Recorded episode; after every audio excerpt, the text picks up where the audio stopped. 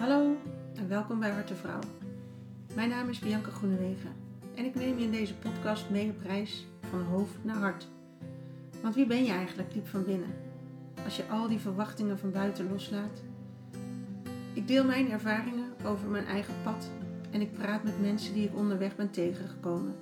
Stuk voor stuk hele krachtige vrouwen en ik hoop dat ze jou net zo inspireren als mij, zodat jij ook die sprong kan wagen van angst naar liefde van hoofd naar hart. En weer thuis komt bij jezelf. Jouw mooie, ware ik.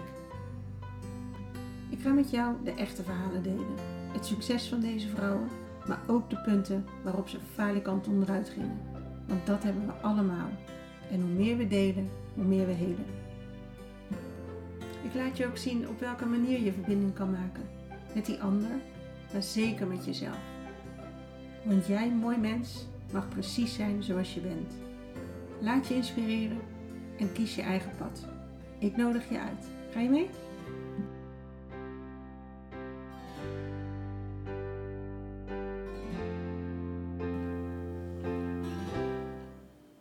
Een van de tools waar ik zelf echt super enthousiast over ben, dat is het Enneagram.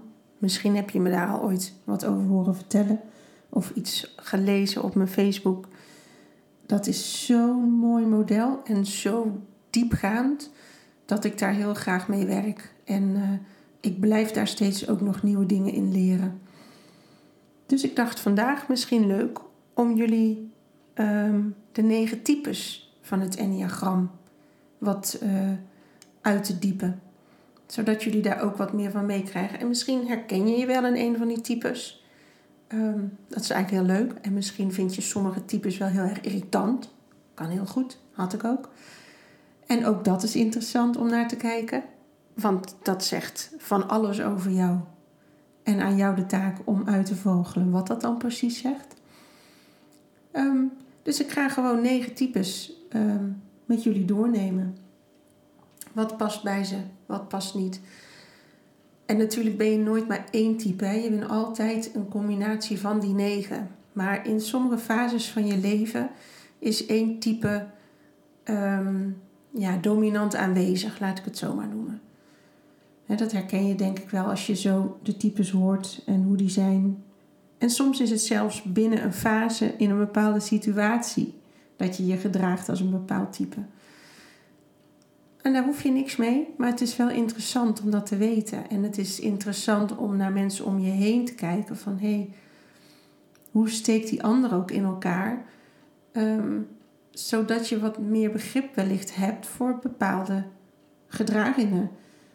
sommige mensen kunnen super irritant zijn in hun reactie, maar als je merkt dat dat vanuit een, de reactie vanuit een Enia-type komt, ehm, is het in ieder geval voor mij makkelijker om daar wat meer ruimte voor te geven. Nou, sowieso, ik vind het altijd heel interessant om te kijken hoe mensen in elkaar steken en waar gedrag vandaan komt. En dan vooral wat je met dat gedrag wil vertellen. Dat is het meest interessant. Dus vandaag gaan we kijken naar 9 Enneatypes en we starten met type nummer 1, de perfectionist. Nou, als ik luister naar wat hoort bij de perfectionist, dan ben ik niet het eerste type wat zo is. Alleen ik gedraag me wel vaak zo. Dus ja, het is toch wel een type wat mij, uh, mij interesseert en wat me ook bezighoudt. Maar ik leer hem steeds beter kennen en daardoor heb ik wel minder last daarvan, zeg maar. Anyway, type 1 noemen we perfectionist. Um, dat houden ze natuurlijk verborgen, want um, je wil die negatieve punten niet naar buiten brengen als, als jij een perfectionist bent, dan hou je dat allemaal binnen kamers. Want fouten zijn gewoon fout. En waarom zou je daarvoor uitkomen? en, en het kan altijd beter. En die herken ik wel heel erg. Ehm, mijn man kan bijvoorbeeld heel makkelijk een succesje vieren. En ik denk dan, nou, ehm, ik zie dit nog wat beter kan dit. Nou, deze podcast. ik heb soms heel veel moeite om de podcast live te zetten, omdat ik merk en ik hoor dat er nog heel veel kleine foutjes in zitten of versprekingen of wat dan ook.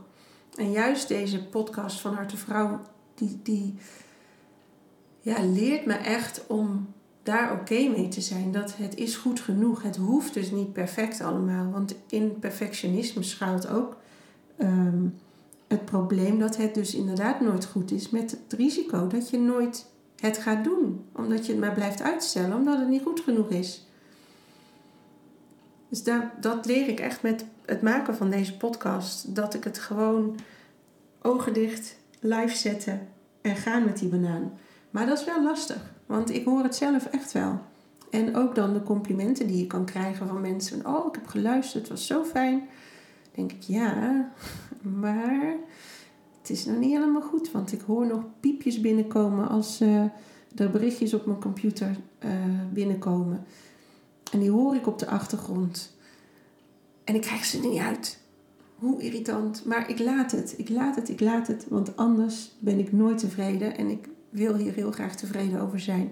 En zo voel ik me ook elke uitzending weer meer.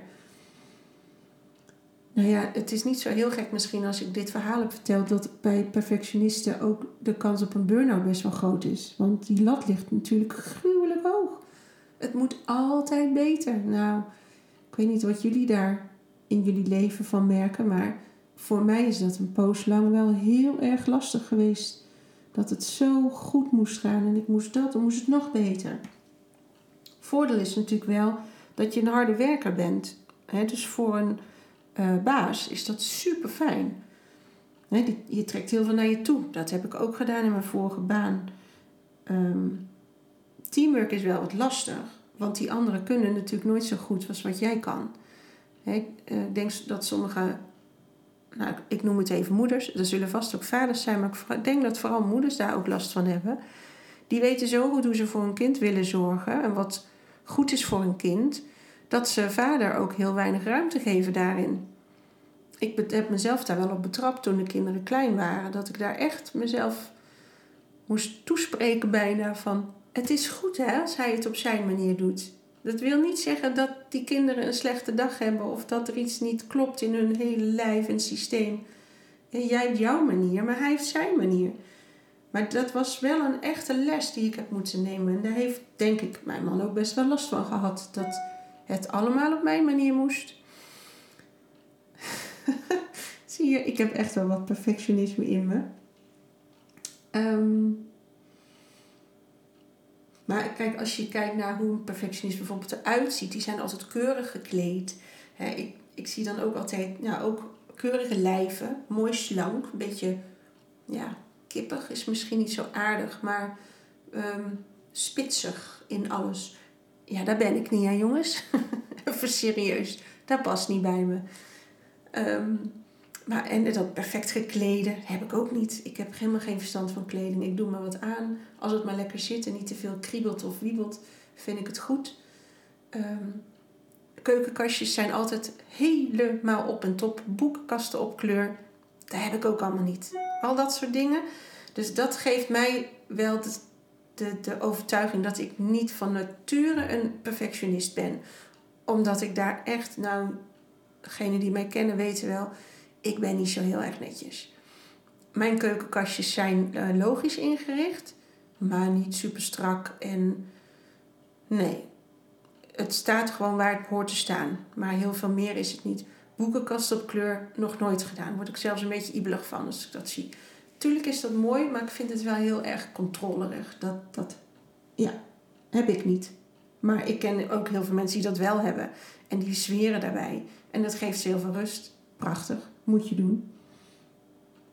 Je wil het altijd goed doen. Maar dat, ja, ik, ik voel het al nu in mijn lijf als ik hierover praat. Helemaal verstarren. Hè? Dat, uh, je kookt soms van binnen en dan negeer je dat weer. Dus je bent dan ook heel hard voor jezelf. En dat stuk herken ik dan weer wel helaas. Um, omdat het dus niet vaak goed is. Het is niet zo snel goed. Het kan altijd beter. Ook, de, ook jijzelf kinderen van een perfectionist, kan je misschien ook voorstellen, die voelen dat, hè? Die voelen dat die lat zo hoog ligt. En dat gaat dan misschien niet eens om de lat die jij richting de kinderen legt. Dat denk je tenminste.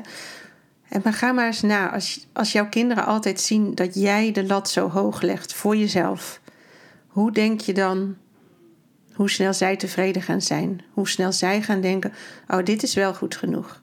Ze zien van jou alleen maar dat je het altijd wil verbeteren. Dat je het altijd nog beter wil doen. En wat ze zien, dat is wat ze merken. Niet wat je zegt, maar wat ze je zien doen. En ik maak me daar net zo schuldig aan. Hè?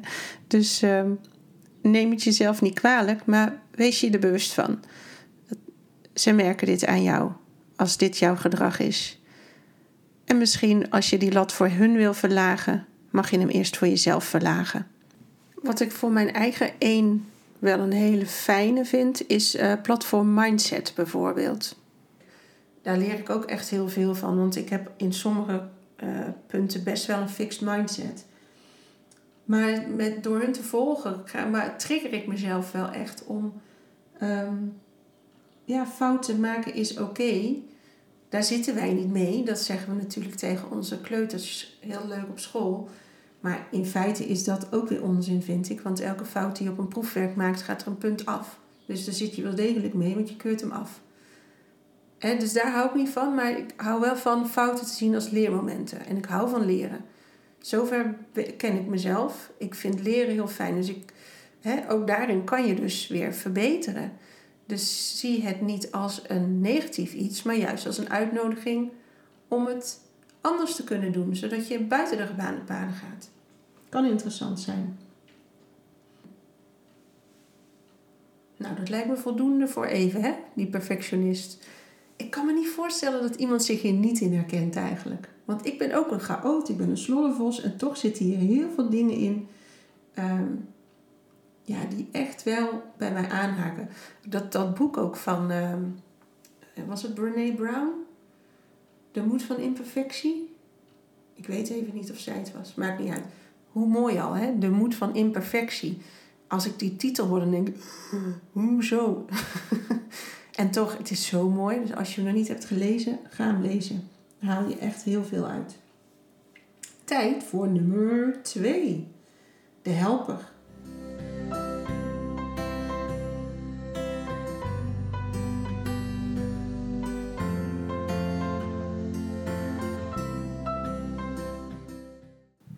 Wat ik heel knap vind aan helpers is dat die zichzelf helemaal weg kunnen cijferen. Ehm, die gaan volledig op de ander, die tunen helemaal in bij die ander en die dwepen mee met de pijn die de ander voelt. ze willen heel geliefd zijn en ze zijn super liefhebbend naar anderen toe en behulpzaam. Ehm, maar ze willen ook wel graag invloed hebben op de situatie. Die, die helper die wil zich graag nodig voelen. En die voelt zich dan ook trots als die nodig is. Het geeft hem een goed gevoel. Natuurlijk veel mensen in de zorg hè, zijn helpers. Hartstikke fijn dat ze dat kunnen. Die kunnen onvoorwaardelijk daar zijn voor jou. Hoe knap. Nou, onvoorwaardelijk, dat was natuurlijk niet helemaal waar trouwens. Nee, er zit wel wat tegenover bij de helper. Maar ze zijn er wel, want zij voeden zich door jou te helpen.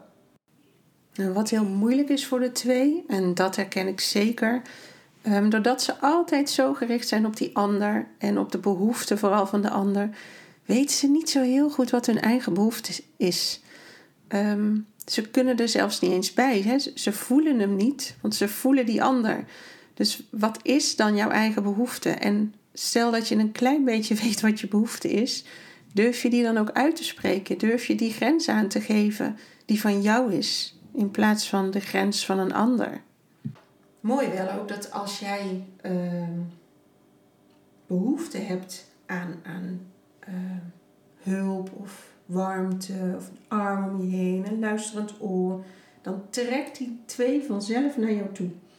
Die vindt dat geweldig om je te helpen en te vertroetelen. Twee kan ook moeilijk nee zeggen, herken ik ook, maar word ik ook steeds beter in het is ook misschien wel die vrouwenenergie dat je het ook geleerd wordt. Hè? Als meisje uh, moet je lief zijn, moet je daarin helpen.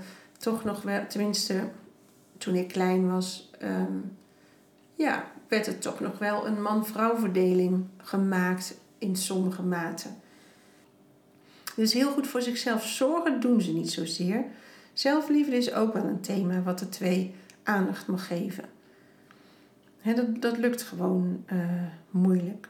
het zijn de beste ouders natuurlijk, want die brengen gewoon de broodtrommel na. als je kind dat vergeten is. Um, neigen soms ook wel naar overmatige bescherming. Ehm, ik geloof dat ik die twee dingen niet zozeer doe. Ik denk echt, jij bent je brood vergeten, los het maar op.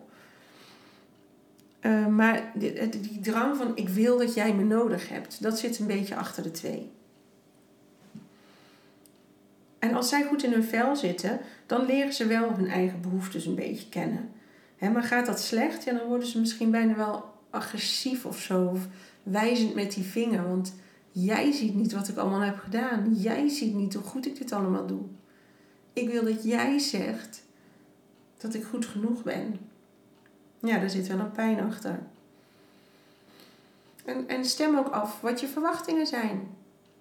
Als jij verwacht dat iemand wat terug doet als jij de kamer hebt opgeruimd, spreek dat dan uit. Mensen kunnen niet in je hoofd kijken. Echt niet. En dat is ook een deel, hè? jouw grens stellen. Dan praat hem dus over. Maak hem uh, uh, uh, bekend in de wereld. Nou, klaar voor type 3, denk ik. Type 3 is de winnaar.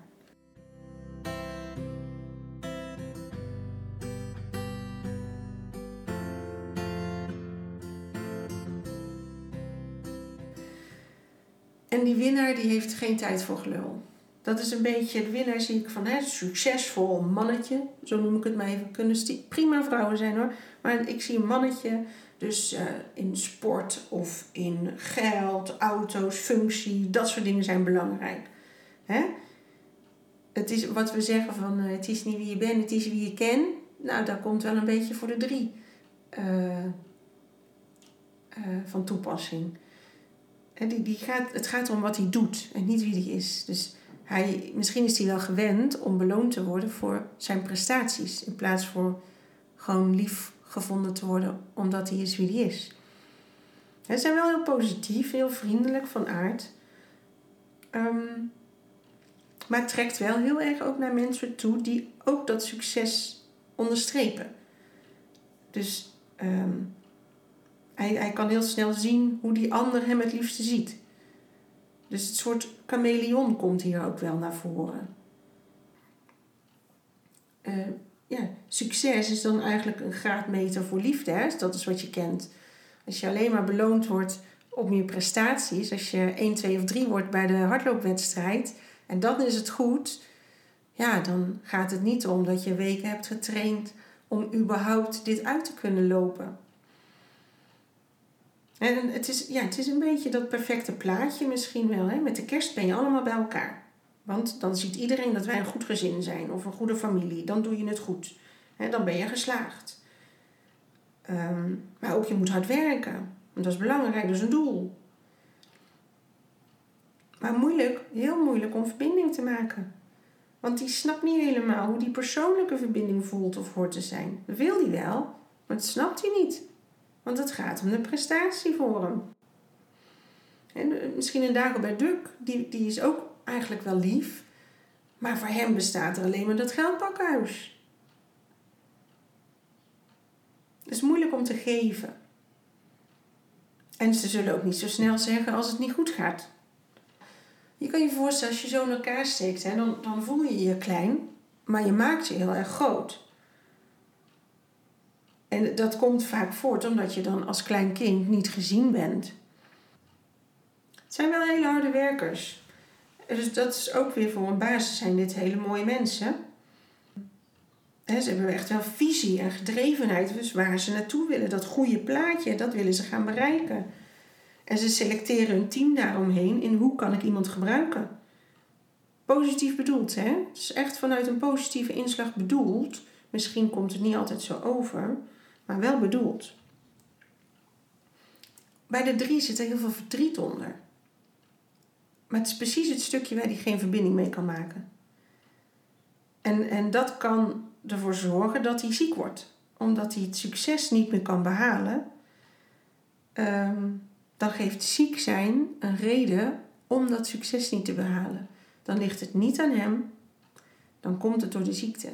Dat is een verklaring waarom hij niet het succes kan hebben wat hij graag nastreeft. Ik zeg niet dat het altijd zo werkt, maar dat is een risico wat aan de drie kleeft. Nou, die winnaars, dat zijn hele gedreven mensen, super doelgericht en heel optimistisch. Dus over het algemeen ook wel heel fijne mensen om om je heen te hebben hoor. En ze willen gewoon een goede indruk maken. Dat is hun, hun drijfveer. Ze willen niet falen. Ze willen voor dat succes gaan. Harde werkers. Ehm, en ze willen gewoon graag een resultaat neerzetten. Want daar worden zij, denken ze, om beloond. En dat is waarom ze dat graag willen doen. En die drie, die zou eigenlijk voor zichzelf elke dag echt tijd mogen nemen. Dus even tijd voor jezelf alleen. Uh, jezelf leren kennen. Naar buiten gaan, erop uit in je eentje. Mediteren. Om die connectie met jezelf te gaan maken. Die je bent kwijtgeraakt ergens in het proces.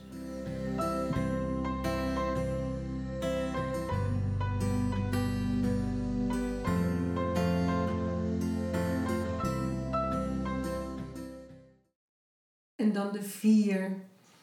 De tragische romanticus.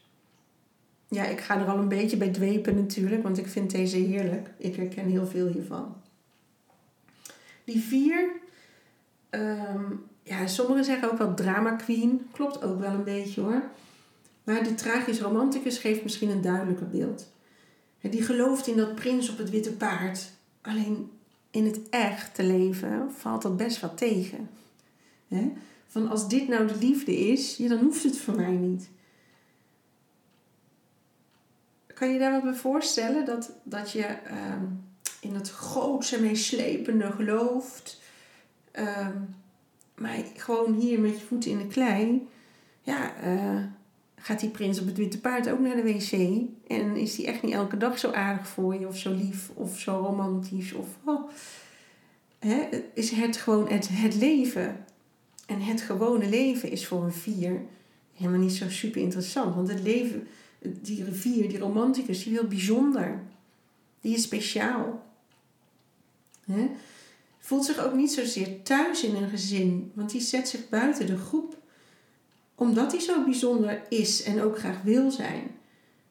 en dan zit daar zo'n verlangen onder van hoe, hoe kan je nou niet houden van zo'n speciaal iemand? Dus dat verlangen naar liefde is echt super groot bij die vier. Maar als ze dan die liefde vinden, als ze dat zien, als die er is, ja, die is gewoon nooit goed genoeg. Wat de vier heel goed kan, juist, is voelen. Die voelt heel veel. Die kan ook hè, eh, het kind laten voelen helemaal. Dus niet, oh, kom maar stil maar, niet huilen. Nee, voel maar. Voel wat je voelt.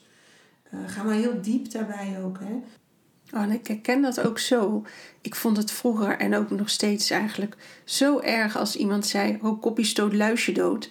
Alsof je geen pijn hebt. Schijn nou eruit. Het doet hartstikke zeer als je valt of als je je hoofd ergens tegenaan stoot. En dat dan zo te niet doen door zo'n stomme opmerking. Oh, dat vind ik vreselijk. Nou kon mijn kind vroeger ook wel echt heel veel drama maken als hij pijn had. Want zodra hij zijn teen stootte, dan hoorde je dat aan het begin van de straathal. Maar dan nog, dan, als iemand dan zei: Ach joh, het valt wel mee, dacht ik: Nee, die jongen heeft pijn. Laat hem. je hoeft het niet minder te maken dan het is. En misschien maakte ik het daar zelf wel meer mee, weet ik niet. Maar het hielp mij heel erg en hij reageerde daar oké op. Ehm, door het er te laten zijn. Door te zeggen: Oh ja, dat doet zeer. Jeetje, dat zal pijn hebben gedaan. Je erkent het daarmee je hoeft het niet per se groter te maken zoals misschien die, die, die drama queen zou doen. Maar je hoeft het ook niet weg te cijferen of weg te poetsen. Nou ja, lastig voor de vier, voor de tragische romanticus, is dat daar ook verslaving en depressie wel aan hangt. Als ze helemaal dwepen, dwepen en voel dat maar, nog meer doorvoelen en nog meer doorvoelen. Ja, op een gegeven moment weet je niet meer waar de pijn uh, waar je het moet zoeken, zeg maar, als je die allemaal voelt. Dus het gaat best wel in pieken en dalen. Nou, dat ken ik wel. Zeker uh, in mijn studententijd, volgens mij, had ik het daar met mijn man een keer over. die, um, die is heel erg nou, gematigd, niet. Nee, zeker niet. Maar hij is wel heel erg uh, steady en solide. En ik kan echt sky high gaan in mijn enthousiasme en oh, het is fantastisch allemaal. Maar als het dan even tegen zit, dan kan ik ook helemaal daaronder in dat dal belanden. Dus ik ga heel erg heen en weer. En hij is zo'n soort steady factor daardoorheen. Ik denk dat wij daarom ook goed zijn samen. Omdat ik hem iets meer misschien van het steadiness afhoud. En hij mij juist iets minder pieken en dalen. Uh, want het hoeft niet zo groot en meeslepend. Gewoon is ook prima. Dus dat is mooi om daar een beetje balans in te vinden samen. En misschien dat dit beeld al, tenminste bij mij roept dat het wel op dat grote en meeslepende. Daar zie ik wel echt uh, uh, kunstenaars bij. Hè, dichters die de pijn die ze voelen, die moet eruit via woorden of via de kunst. Of, um, ja, en ook dat hè, die vier, die laat zich ook raken daardoor. Omdat dat zo diep gaat. Omdat die artiest, maar ook een choreograaf, een danser, die kan zo vanuit zijn gevoel die dans brengen. Ja, die vier die gaat daar helemaal op stuk, joh. Die gaat janken. Omdat hij zo geraakt wordt door de diepte die eronder zit. He, dus de creativiteit die raakt echt. En daarbij zijn ze ook niet bang voor de dood, omdat ze die diepte, die, die zwaarte en de, de donkerte zo goed kennen. Dus ze zijn daar niet bang voor. Ze hebben het soms ook nodig om zich even te laven weer aan die zwaarte. Die wil voelen dat ze leven. Heel veel fantasie komt er ook bij kijken. En ehm, als iemand ze dan niet begrijpt, dan worden ze wel opstandig van. dat, dat, dat is vervelend. Dus, uh, wat ze ook doen dan binnen een groep is, hè, als ik erbij hoor, dan ben ik niet bijzonder, dus dan stap ik eruit. Maar dan word ik weer eenzaam en dan wil ik weer terug. En zo hinken ze steeds eigenlijk op twee gedachten. Van, ja, en dus voelen ze zich niet helemaal thuis in een groep. Want dat bijzondere stuk, dat blijft toch wel uh, overheersen. Dus ook als jij een vier in je omgeving hebt en die dweept weer om een of ander iets, laat dat gewoon. Dat is niet erg. Gun ze die misère maar. Die hoef je niet te proberen te begrijpen, want dat kan jij niet, want zij zijn bijzonder. Dus er is niemand die mij begrijpt, die, niemand die een vier kan begrijpen. Ook hun kinderen, die zijn natuurlijk ook hartstikke bijzonder. Maar daardoor leren die kinderen ook niet per se waar het echt om gaat in het leven. Als, als een vier kind, dan is het ook wat de ouders hebben gegeven ja, dat was niet bijzonder, want dat was wat je een kind gaf en niet mij. Ik, mijn persoon. Jij, was, jij hield van een kind, jij behandelde mij als een kind. Maar het ging om mij, het speciale ik die daar zit. Het klinkt een beetje misschien arrogant of zo, zit ik me te bedenken nu ik dit zo opnoem. Maar dat is het niet hoor. Ehm, maar het is heel erg bezig zijn met ik ben bijzonder. En omdat ik zo bijzonder ben, is mijn diepe, diepe, diepe wens dat ik ben om van te houden. Dat is waarom ik zo graag bijzonder ben. Want van bijzondere mensen moet je toch wel houden. Kan toch niet anders? De vier kan zich ook helemaal kleden om wel gezien te worden. Dus um, de, de meest extravagante mensen, dat zijn over het algemeen, hebben die heel groot deel vier in zich. Terwijl ze eigenlijk doen alsof het ze niet interesseert. Maar toch is het wel belangrijk dat ze er anders uitzien dan, dan iedereen, zeg maar. Ja, waar ik, bij de vier, toen ik hier voor het eerst van hoorde, toen ehm, kwam ik thuis. Het was in, voor het eerst in mijn leven dat iemand vertelde dat het waar kon zijn dat ik zoveel kon voelen als wat deze vier persoonlijkheid ook ervaart en voelt. En dat je zo bewogen kunt worden door kunst, door dans, door muziek. Ehm, ik dacht altijd dat ik daar te gevoelig voor was of dat ik me aanstelde. Ehm, en voor het eerst toen ik hierover hoorde, dat is misschien waarom het enneagram mij zo heeft geraakt. Dat ik dacht, oh, het bestaat dus. Het is waar. Alles wat ik voelde in mijn hele leven is niet aanstellen geweest. Ik was niet gek. Maar dit was het. Ik was dus een type 4 in, in dit gedrag, in deze emotie, in die fijngevoeligheid. He, mijn intuïtie is zo sterk En dat komt door die fijngevoeligheid. En gelukkig heb ik hem nu leren gebruiken. Maar dat is ja, wel echt in gang gezet ook. Nadat ik kennis heb gemaakt met de vier en dat ik die heb mogen omarmen. Ja, door dit stukje echt van mij te laten zijn, heeft mij echt een gevoel van thuiskomen gegeven. Het weer thuis zijn bij jezelf. En, en dat heeft alles op mijn pad verlicht, waardoor ik nu doe wat ik doe.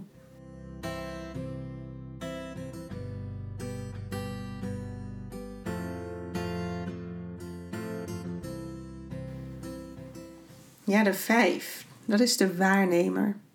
De wijze man of de wijze vrouw. En die vijf die wil vooral de wereld heel goed begrijpen. Dus die vaart op kennis. Het, ehm, ja, zie een beetje type nerd voor je misschien. Het, ze, willen dingen weten en ze zoeken die zekerheid daarin. De feiten geven de veiligheid eigenlijk. Ehm, dus die observeren echt superveel. Um, die interpreteren alles. die, die zijn op zoek naar het grotere geheel. En ze zijn super scherpzinnig ook daardoor. En ja, ook wel misschien wat meer teruggetrokken, wat meer, minder outgoing dan, dan de andere types. Maar dat vindt hij ook niet erg. Want deze vijf heeft helemaal geen zin in chit-chat. Die wil met mensen praten over dingen die hem interesseren. en zolang hij een interesseveld heeft of een interesseveld deelt, kan hij heel goed sociaal met anderen omgaan. Maar de, de praatje klets, dat, dat kan je niet verwachten van een vijf. Want het gaat om de feiten, het gaat om het weten.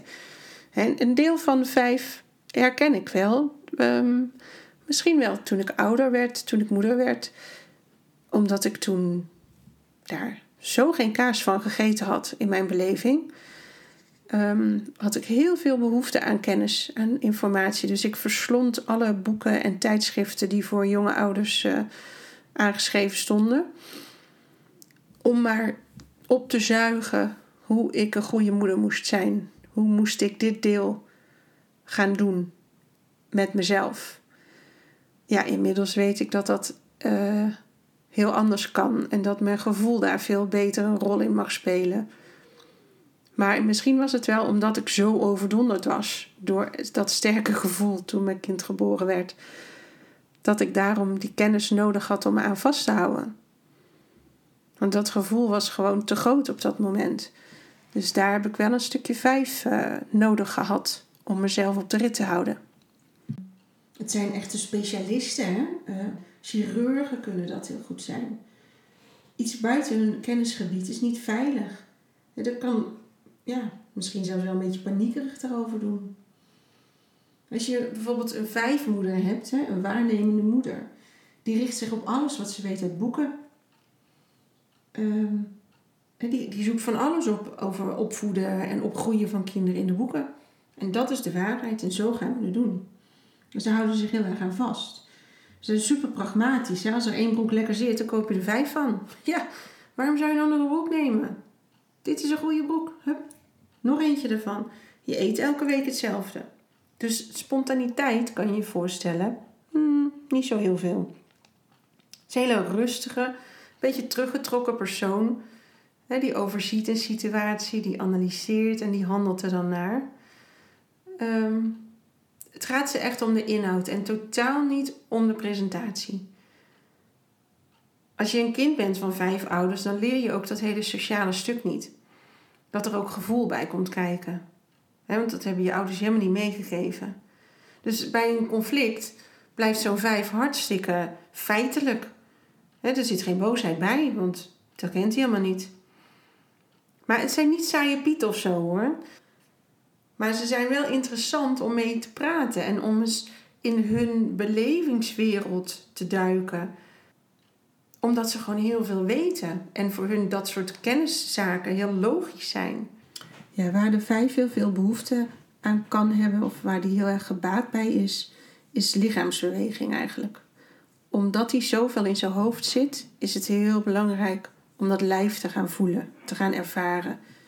Dus hè, hardlopen, maar ook gewoon wandelen of yoga. En misschien wel zelfs meditatie is heel erg lekker voor de vijf, omdat hij dan eindelijk dat hoofd even los mag laten. Um, en dat helpt misschien ook om wat meer deelnemer te worden aan het leven in plaats van toeschouwer. Dat is wel de indruk die de vijf kan geven aan anderen. En nogmaals, wat ik al zeg, het is een indruk die je achterlaat. Dus um, zit het jezelf niet in de weg. Kijk dan in hoeverre je daarin wil veranderen. Want wat je doet is helemaal prima en wie je bent is helemaal prima. Laat je vooral niet te veel pushen richting het sociaal wenselijke gedrag. Want ik vind dat van een vijf wel heel mooi. Ja, dat die misschien wel wat meer zichzelf mogen blijven, kunnen blijven dan uh, menig ander type. Want die vijf die doet de dingen voor zichzelf en niet zozeer voor de buitenwereld. En ik kan dat wel bewonderen, want dat, want dat is iets waar ik zelf niet zo goed in ben.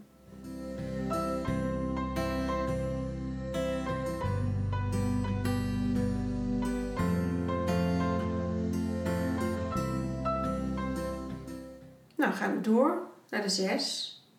Dat is de loyalist. En de loyalist is, ja, wij zijn wel een zesde land eigenlijk. We zijn gericht op zekerheden. We proberen allerlei regels te verzinnen. Ehm, om maar die veiligheid, die we eigenlijk diep van binnen niet voelen, wel te kunnen ervaren. En, en dat voelen is voor een, voor een type 6 ook heel erg onveilig. Dat is heel moeilijk. Dus die plaatsen ook vaak de oorzaak van pijn buiten zichzelf. Dat ligt altijd aan die ander. Ze voelen zich wel heel veilig in een groep. Want binnen die groep kunnen ze zich verstoppen. Dus het zijn de echte teamspelers. Hè? En die vinden de mening van de groep belangrijker dan die van zichzelf. Dus op zich is dat fijn om als werkgever of dergelijke in je team te hebben. Ehm, en die, ze doen ook heel veel met de gezin. Ze zijn echte gezinsmensen. Met elkaar, want dat is gezellig. Dus, dus is ook wel een gezellige, maar wel binnen de veiligheid die gecreëerd is. Zeg maar. Dus ze controleren heel veel. Het is ook moeilijk af te wijken van een vast schema. ze vinden het lekker, lekker voorspelbaar om naar dezelfde plek op vakantie te gaan. Ehm, die willen gewoon weten wat ze kunnen verwachten. En, en ja, als jij een, een, eh, een zesmoeder hebt, dan heeft die moeder liever dat je thuis speelt dan dat je bij een ander speelt. Maar die zes vindt het heel moeilijk om een beslissing te nemen. Want dan kan je op aangesproken worden. En dat is niet de bedoeling, want je wil binnen die groep gewoon een soort van homogeniteit hebben. He, er praat heel veel vanuit wij-vorm. Um, ook wel hele harde werkers, maar wel zolang iedereen het doet. Dus ze gaan echt met die groep mee. Als jouw collega's allemaal hard werken, ga je ook hard werken als je een zes bent. Maar lopen jouw collega's de kantjes af, dan is de kans dat jij dat ook gaat doen best wel groot. Want jij past je aan naar die groep. Jij wil binnen de groep blijven. Wat doet de rest? Ik kan best wel eens soms wat kriebels krijgen van die zes behoeften al die vastigheid en die voorspelbaarheid bijna, daar ga ik een beetje van in de weerstand. Maar tegelijkertijd, als ik kijk naar mezelf en hoe ik met mijn kinderen, met mijn gezin omga, ja, hè, eh, rust, reinheid, regelmaat, die zat er bij mij ook in. En dus ik heb dat ook. Binnen mijn gezin denk ik dat we ook heel veel zes hebben. Hè, spelletjes samen, gezellig. Maar oh, het moet niet te lang zo zo gezellig en gezapig blijven, dan moet ik toch wel weer even tijd voor mezelf hebben om daaruit te kunnen breken. Dus dat is heel grappig om te zien hoe dat heen en weer kan gaan. dus duidelijke regels zijn heel fijn voor een zes. Die weet wat er van hem verwacht wordt. Ze zijn wel ook bang om fouten te maken hoor, of om beslissingen te nemen. Bang dat ze dan in de steek gelaten worden. Dus die groep is heel belangrijk. Dat blijft enorm aan ze trekken. Maar het, ook het gezellige, dat hoort er ook heel erg bij. Hè? Spelletjesavonden samen doen, met een kopje thee klaar zitten. Hmm, heeft misschien ook nog wel een beetje twee, maar, maar twee is meer echt dat zorgende. En dit is het gezellige groepsgebeuren. Dus daar zit wel een nuance in. En ze willen ook weten wat binnen die groep een taak is. Want anders vinden ze het moeilijk om iets te doen. Want misschien hebben ze wel iets verkeerd gedaan dan. En dat risico willen ze niet nemen. En je ziet vaak dat zes, zo'n loyalist, dat hij een vaderfiguur heeft gemist in het gezin. En ik zeg figuur, want het wil niet zeggen dat je altijd een vader hebt gemist, maar misschien de, de rol die een vader systemisch hoort te hebben in een gezin, misschien is die minder aanwezig geweest. Zou kunnen. Als jouw moeder een zes was, ehm, dan is de kans groot dat jij als kind hebt opgepikt dat die wereld gevaarlijk is. Want jouw moeder had die groep nodig om zich veilig te voelen. Alleen in de wereld, het boek van Remy, is gevaarlijk, is spannend. Zes zijn ook niet heel erg happig om hun emoties te laten zien. Ze gaan dan weer wat harder werken, nog meer gezelligheid creëren, harder hun best doen. En dat komt vanuit hun angst. Ze zoeken naar die veiligheid omdat ze bang zijn voor die boze buitenwereld. Maar ze weet denk ik niet dat ze bang is hoor. Ze denkt misschien zelfs wel dat ze dapper is, die zes. En heel moedig. En, en zes gezinnen. Ik denk dat je die best wel veel ziet, zes gezinnen. binnen de gezinnen zijn regels, er zijn allerlei regeltjes aan verbonden. Vaste programma's, dus een dagindeling. Uh, wie heeft welke taken in huis. Um, maar ook misschien wel ja, een soort van ongeschreven afspraken. Van, uh, als er iets gevraagd wordt, uh, als er iets gedaan moet worden voor de buurt, dan doen we dat. En de ene keer doet die de collecte en de andere keer die. We doen dat met elkaar, doen we dat samen. Het zijn super hulpen natuurlijk voor buurtfeesten of, of op school. Dat is ideaal. En, hey, gezellig, al dat soort dingen. Dus daar is de zes, die staat daar uh, vooraan. Maar dat stukje met angst, met kijk uit, pas op, dat hoort ook wel echt bij een, bij een zes gezin en zes ouders. Dus let op wat je daar, als jij jezelf hierin herkent, let op wat je daarmee aan je kinderen ook weer doorgeeft. Zes is wel heel goed in allerlei beren op de weg ontdekken, zien, voorspellen voor jouw plannen.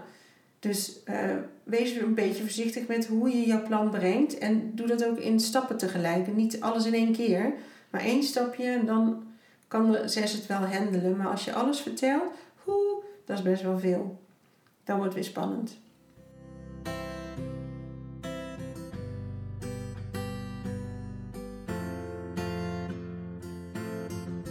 Tijd alweer voor nummer 7, de avonturier. Dat is een leuke energie jongens.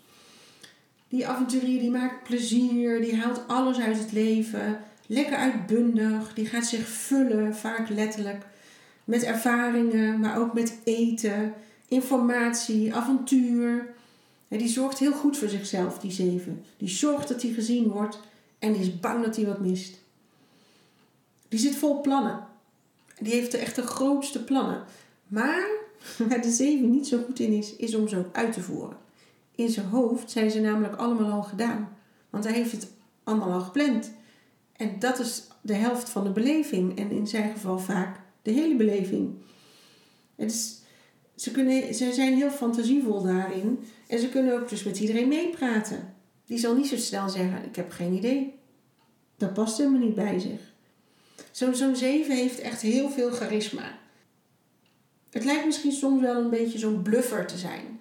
Maar wel vanuit een kinderlijke onschuld. Er zit geen kwaad in. Zo bedoelt hij het helemaal niet. Het is meer levenslustig en ondeugend. Um, hij heeft gewoon lak aan verantwoordelijkheden.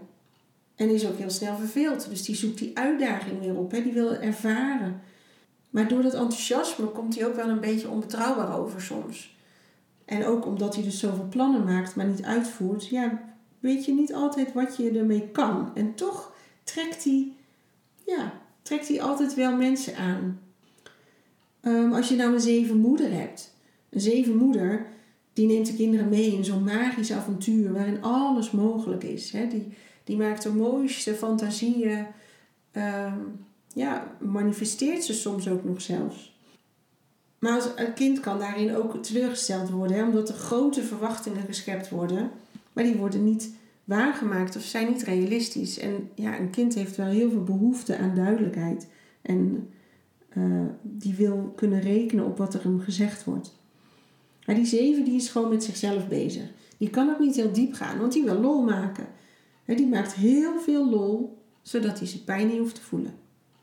En ziet hij de pijn aankomen, dan maakt hij een nieuw plan wat heel veel lol gaat opleveren. Dus hij doet heel blij en opgewekt. En, en daaronder zit een, een angst. Misschien hè, van, wat stel ik nou helemaal voor? En daardoor ga je extra avontuurlijk doen, want dan ben ik wel iemand. Dan kom ik niet tekort. Het is iemand die echt heel veel dingen, van heel veel dingen, een heel klein beetje weet. Dus die kan eigenlijk met iedereen meelullen. Het is een hele fijne, lichte, vrolijke energie. He, maken allemaal plannen met hun hoofd, out of the box. Die komen overal mee weg. want je, je weet dat het misschien helemaal waar is, maar dan is het verhaal zo leuk verteld. Nou, dan vergeef je het ze maar weer. Het is een hele prettige energie om bij je te hebben. ze kunnen echt verhalen ook veel groter maken dan dat het is. En nou ja, soms gaat het ook slecht met de zeven. Zal hij niet snel toegeven, maar dat merk je dan in zijn gedrag. Dan wordt hij wat dwingender. Dan levert hij kritiek op anderen. En dan gaat hij eigenlijk alleen maar bekende dingen doen. Ja, dat past natuurlijk niet bij hem. En gaat het goed, dan gaat hij die grootste plannen die hij heeft gemaakt ook echt uitvoeren. Dan zie je dat hij lekker in zijn rol zit. Ja, als ik kijk naar de zeven in mezelf, dan komt er vooral een gevoel van een beetje overschreeuwen uh, bij me op. Ik heb de zeven heel sterk ingezet. Uh, ik denk vooral in mijn ja, adolescententijd, net, na, net rond de studie en net daarna. Ik kon alles wel en ik vond alles leuk en ik wilde overal bij zijn, alles meebeleven. Ja, dat bij zijn meebeleven gevoel. Ehm, waarbij ik ook echt letterlijk en figuurlijk gewoon enorm over mijn grens ben gegaan. Dus die zeven zit bij mij heel erg in het laten zien dat het goed gaat met me. En dat doe ik door heel veel dingen te doen. En dan met name heel veel leuke dingen te doen. Of in ieder geval uh, activiteiten die door anderen als leuk bestempeld worden. En ja, natuurlijk ben ik daarbij, want ik ben een leuk mens. En als ik daarbij ben, vinden anderen mij ook leuk. Zoiets denk ik wat erachter zit. I don't know.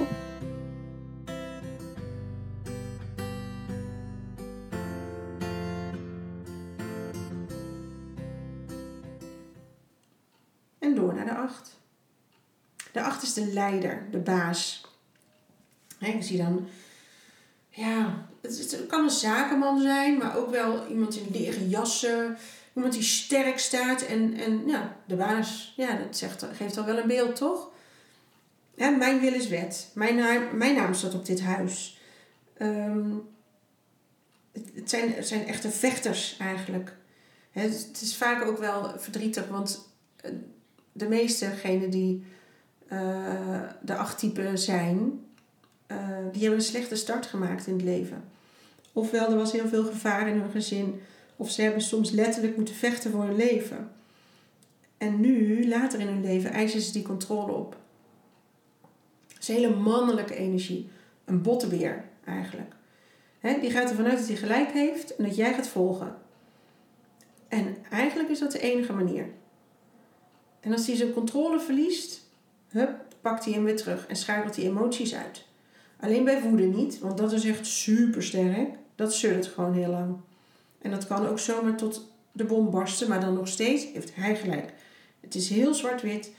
Anderen zijn het niet waard. Hè? Het is een één ding. Hij kan best wel vrienden maken als je een beetje interessant bent.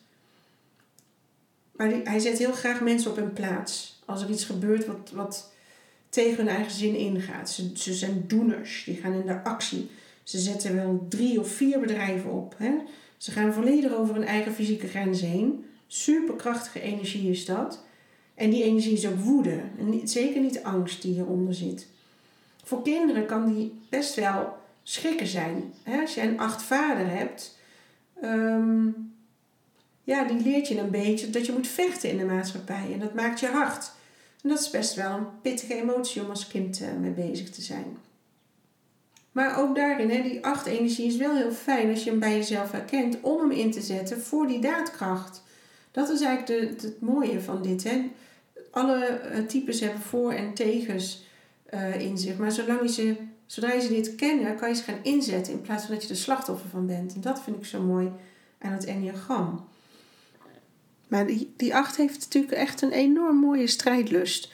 He, dat vind ik heel gaaf om te zien. En ook moed. Een acht zal ook uh, voor de underdog opkomen. Ehm, en hij laat zijn gezag dan ook gelden. En, ja, hoewel ik in eerste instantie door de acht wel redelijk geïntimideerd ben. En ik ben zelf ook niet zo heel erg goed met autoriteit. Dus dat hang ik hier ook wel een beetje aan. Maar hij durft daar wel te gaan staan. En, en hij gaat letterlijk op zijn strepen staan. En dat is iets wat ik zelf gewoon niet zo heel erg goed doe. Waar ik wel wat meer acht energie voor mag gaan gebruiken.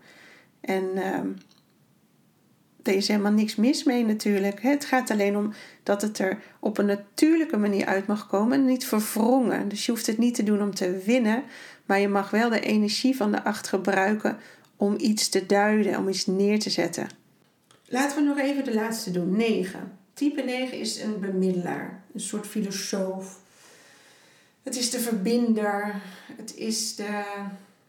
Uh, je hebt daar zo'n mooi woord voor nu. Een soort mediator. He, die 9 heeft het gevoel dat hij de oorzaak is van de crisis. Dus, dus hij wil alle problemen wat er is, dat, dat is aan hem om op te lossen. Um, en ik vind soms ook mensen heel confronterend en daarom dieren veel fijner. Want onze wereld is gewoon best wel hard. En het zie je ook bij de negen in alles terug. Die zoekt zachte stoffen om zich heen in zijn huis. Die, die zal heel snel een vest aandoen om zich te beschermen. Um, zijn ook wollig in hun taalgebruik. He, en heel zachtaardig. Ze geven nooit een super duidelijk antwoord. Want ze willen met iedereen... Um, ja, ik noem het altijd maar een beetje barbapapa. Dat je um, je uitvlijt, zeg maar. Je hebt niet een sterke statement, maar je doet met alle dingetjes een beetje mee. Je zorgt ervoor dat het kabbelt. Je, je hoort al dat ik langzamer ga praten. Hè? Um, je wil niet conflict. Dat wil je niet. Hè? En, en komt toch die confrontatie, zit die eraan te komen? Oh, dan gaan ze nog meer vertragen. Dan gaat het nog langzamer. Gaan ze nog zachter praten. En die ander wordt dan afgeleid. Uh, waar, waar, hadden we nou ook alweer ruzie over? Het, het is alles doen ze eraan om het conflict te vermijden. Gaan dat volledig uit de weg, want conflict is crisis en uh, ik ben de crisis. Hoe ga ik dit oplossen? Dus die ik-kracht is niet zo sterk bij die negen. Ze hebben altijd ruimte om met iedereen samen, samen te kunnen vloeien. En dat geeft voor de ander heel weinig grip op wie die persoon nou ook echt is. Ze, ze zijn wel op zoek echt naar liefde. Ze gaan helemaal op in spiritualiteit. Alles is liefde. Nou, je hoort het al aan mijn stem. Het wordt super wollig. Ehm, maar als jij kind bent van een negenouder, dan ga je grenzen zoeken. Want die zijn er niet bij die ouder. emoties mogen ook allemaal zijn. Dat is allemaal goed. Alleen boosheid niet. Want boosheid zorgt voor conflict. En daar kan de negen niet tegen. Die negen heeft veel fysieke klachten als rugpijn en zo. Um, zijn vaak graag met hun handen bezig in de grond, aarde, dat idee. Sommige mensen vinden het echt van die overgevoelige types. Nou ja, ik denk dat dat ook heel erg afhangt van het type wat je zelf bent. Maar um, ja, die bemiddelaar die, die mag wat meer in zijn kracht gaan staan en wat meer zijn grenzen gaan neerzetten, ontdekken, bewaken. Um, ja, dit zou hem heel erg helpen. Maar wat heel goed is, wat een negen gewoon heel goed kan, is verdraagzaamheid, hè, eh, rust uitstralen. En ze zullen er echt alles aan doen om die harmonie te bewaren. En dat is ook een hele mooie kwaliteit.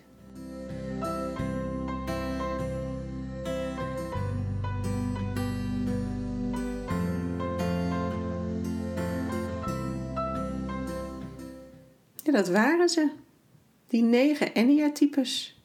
Ik hoop dat je een beetje een gevoel hebt gekregen uh, wat deze types zijn. En, en misschien heb je je wel herkend in een aantal van die types. En dat is alleen maar interessant. bewustwording is de eerste stap. En wanneer jij jezelf beter gaat leren kennen, ga je jezelf beter begrijpen, maar ook de buitenwereld. En mag je hopelijk ook steeds weer net een beetje meer jezelf zijn. Volgende week kan je luisteren naar een interview wat ik heb met Sylvia Leegwater over het Enneagram. Zij is echt uh, by far specialist hierin. En misschien is het wel wat, wat contra op wat we volgende week doen, dat ik nu juist de types aan je heb uitgelegd. Want zoals Sylvia ook al zegt, het, is, het Enneagram is niet een typologiemodel. Dat is er later bijgekomen. Het is alleen heel fijn, vind ik in ieder geval, om via die types wat meer van jezelf te gaan begrijpen. En daar vind ik het heel prettig voor. Maar inderdaad, het is niet een model waarbij je zegt: ja, ik ben nou eenmaal type 1, dus ik kan er niks aan doen, dus uh, doe het er maar mee. Nee, want jij bent nooit één iets en je bent ook niet een stilstaand water. Je bent een stromende rivier die continu verandert en continu meebeweegt met wat het leven je brengt. En daar kan het enneagram gewoon ja, een hele mooie aanvulling in zijn. Ja, en wil je er meer over weten? Er zijn heel veel boeken over te vinden. Ze zijn niet allemaal even lekker leesbaar hoor, moet ik heel eerlijk zeggen. Dus uh, uh, kijk even goed naar, naar de recensies daarvan. Um, en als je tips nodig hebt, dan mag je me altijd even een berichtje sturen. Dan uh, geef ik die. En ja, als je benieuwd bent naar je eigen types, dan ben je altijd welkom om langs te komen. Dan gaan we daar even lekker in graven. Wat bij jou hoort, wat bij jou past. Um, ik hoop dat je net zo enthousiast wordt. En dat je ook met een nieuwe bril eigenlijk naar jezelf en naar de omgeving gaat kijken. Van hoe zit iemand in elkaar en waarom laat hij dit zien en wat zit daar dus achter. Ze noemen het enneagram ook wel eens de weg naar bevrijding. En ik denk dat dat wel een hele mooie omschrijving is, omdat het uh, door jezelf zo goed te leren kennen, door middel van de types, maar ook door middel van de andere, um, de andere processen die je via het enneagram kan, kan doorlopen, um, ja, geef het jou je weg naar je vrije zelf. Leg je jezelf niet meer vast aan banden waar je nu door wordt tegengehouden. En dat is iets, ja, ik kan het niet vaak genoeg herhalen, dat gun ik iedereen. Thuiskomen bij jezelf, weten wie je bent en vooral weten wat je waard bent. Dat was Hart de Vrouw voor deze week. Fijn dat je erbij wilde zijn. Ben je geïnspireerd geraakt? Laat een review achter via deze app. En vergeet je niet te abonneren op deze podcast dan mis je geen enkele aflevering meer. Je kunt mijn avonturen volgen op Facebook of Instagram. Zoek op Bianca Groenewegen Coach. En ben je klaar om zelf op avontuur te gaan? Op zoek naar jouw diepste wensen en verlangens? Dan kun je me een mailtje sturen. contact.biancagroenewegen.nl We gaan samen kijken welk pad het beste bij jou past. En ik hoop dat je de volgende week weer bij bent. Spreek je dan! En niet vergeten hè, jij bent perfect, precies zoals je bent.